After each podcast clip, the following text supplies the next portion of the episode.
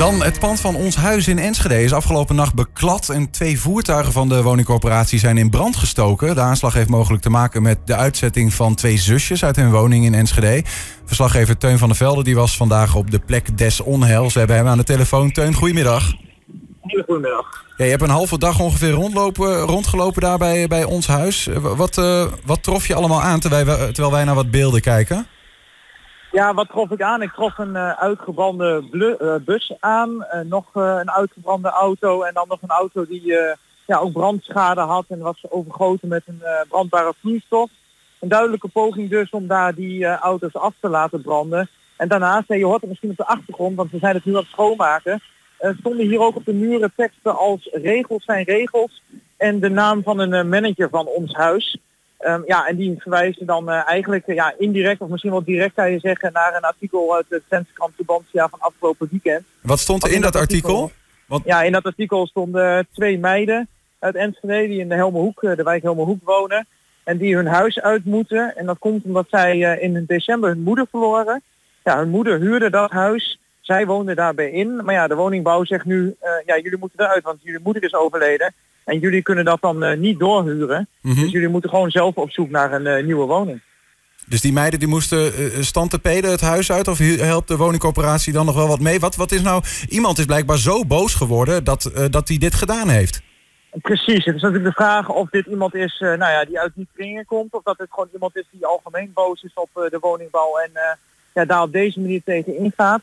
Maar goed, die situatie van die meiden is natuurlijk wel schrijnend. Want zij verliezen hun moeder.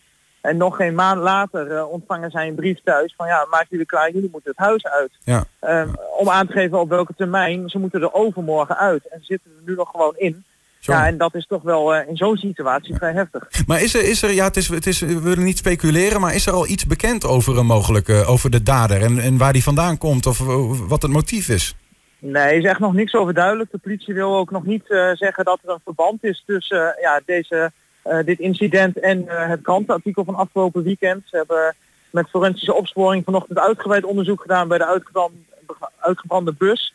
Maar ze willen nu nog uh, niet op de zaken vooruitlopen en ze kunnen gewoon nog niet zeggen of dit ja, daadwerkelijk verband houdt met dat artikel. Al heeft het daar natuurlijk met die teksten op de muur wel alle schijn van. Ja. Je hebt ook gesproken met een raadslid en een Tweede Kamerlid van de VVD. Die waren daar. Laten we even kijken hoe, nou ja, hoe die gesprekken gingen. Nou ja, allereerst hebben we natuurlijk over gehad wat, wat, wat er ook hier gebeurd is. Met deze ja, afschuwelijke actie uh, vannacht. Ja, dus natuurlijk, mensen zijn heel erg aangedaan binnen. Ja, en, maar tegelijkertijd ook willen ze werken aan een oplossing uh, voor, die, voor die twee meisjes. Ja, en wat er dan gezegd van, want ik kan me ook voorstellen als er nu wel aan een oplossing gewerkt wordt, dat mensen denken van ja, we moeten dus geweld plegen, uh, iets in de fik steken nee, om het voor elkaar nee, te krijgen. Ja, ja, nogmaals, hè. Geweld, geweld is niet de oplossing. Daar helpen, we helpen die meisjes ook niet mee. We helpen die meisjes door het gesprek aan te gaan. Door er aandacht voor te vragen. In de krant, of wat ik zelf heb gedaan met kamervragen.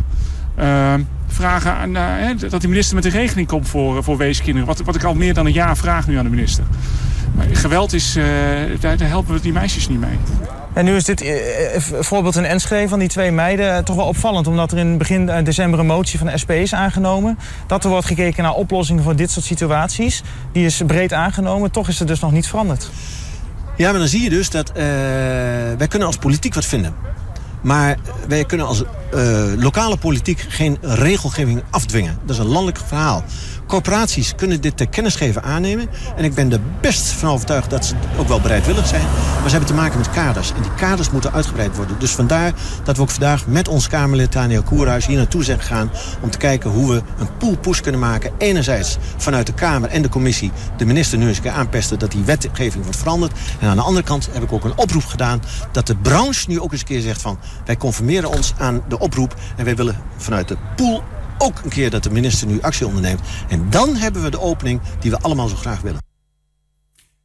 Ja, aan de telefoon nog steeds Teun van der Velde. We zien hier, we hoorden aan het einde Joost Nijhuis. Uh, dat is een raadslid voor de VVD in Enschede. Daarvoor Kamerlid Koerhuis van de VVD. Wat, wat deden zij eigenlijk met z'n tweeën VVD-leden bij, bij die woningcorporatie vandaag? Ja, ze kwamen hier op bezoek om uh, in gesprek te gaan uh, over natuurlijk ja, die brandstichting en die bekladdingen. Maar ook in het algemeen over die situatie van die twee meiden en de andere voorbeelden die ook hier spelen. En ja, Nijhuis geeft eigenlijk aan van ja, landelijk spelen de 600 van dit soort situaties waar het om uh, wezen gaan die ja, graag door willen huren, maar waar dat niet kan. En wat ze eigenlijk zeggen is, ja, we willen het allemaal wel aanpassen, maar wij als gemeente kunnen dat nu niet. We, we zijn in gesprek, maar ja, als die woningcoöperaties daar nog niet aan durven, want ja, die zeggen op hun beurt weer van ja, als wij dat nu voor één situatie gaan toepassen, dan moeten we dat straks overal toepassen. En mhm. dus wijzen ze eigenlijk vanuit de VVD naar uh, minister Ollengren van Binnenlandse Zaken. Van ja, pas die regels nou aan. Want wij willen wel, maar de woningcoöperaties durven eigenlijk nog niet. Ja, ja, maar uiteindelijk, ja, je had het al over in je gesprek ook over een motie die is aangenomen. Um, daar kan dus blijkbaar niks mee gedaan worden. Dan is het een beetje, dan voelt, uh, vervolgens voelt het college zich ook weer met handen gebonden, omdat de woningcorporatie eigenlijk zelf beschikt wat hij doet. Ja, in die, in die motie staat dat er in gesprek uh, gegaan wordt met die woningcoöperaties om te kijken naar een oplossing. Ja goed, ze geven dus aan dat gesprek is er geweest, maar die oplossing is er nog niet. Nee. En dat komt dus echt omdat die woningbouwverenigingen het gewoon niet aandurven, omdat ze dan bang zijn dat ze in heel veel situaties uh, hier aan vast blijven zitten. Ja, maar goed, dat er nu een Tweede Kamerlid ook van de VVD bij is, zegt wel iets over dat wat jij zelf ook al insinueerde, zo'n aanslag wel uh, de aandacht opeist, waardoor nu de hele, het hele land meekijkt en mogelijk wel iets in verandering zou kunnen komen. Ja, kijk, uh, Tweede Kamerlid Daniel Koerhuis uh, vroeg hier al gisteren ook al aandacht voor naar aanleiding van dat krantenartikel. Maar ja, het is natuurlijk wel ergens triest dat dit er wel voor nodig is om er nu echt een landelijk probleem van te maken. En dus de aandacht voor te vragen. En daar zijn ze, dat vroeg ze ook van ja, zijn jullie niet bang dat dit soort incidenten dan vaker gaan voorkomen? Want dit is wel de manier dus blijkbaar om die aandacht te krijgen. En zij zeggen ja, daarom moeten wij heel snel dit probleem oplossen om uh, dit soort situaties ook weer te voorkomen. Heeft de woningcoöperatie zelf ook gereageerd al?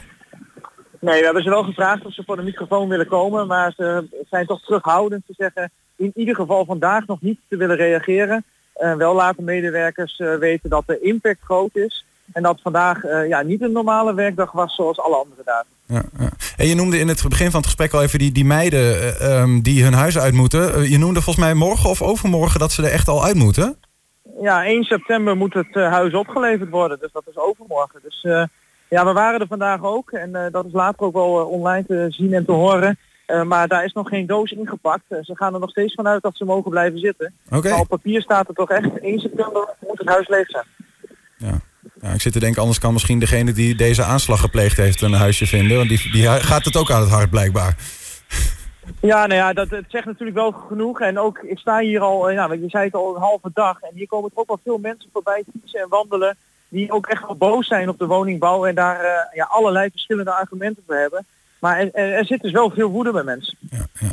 Maar qua oplossing, ook voor de zusjes zelf, uh, dat, uh, nou ja, dat moet nog blijken. Dus wordt vervolgd. Teun van der Velde, dank in ieder geval voor uh, jouw aanwezigheid daar en voor de verslaggeving hier. Geen dank.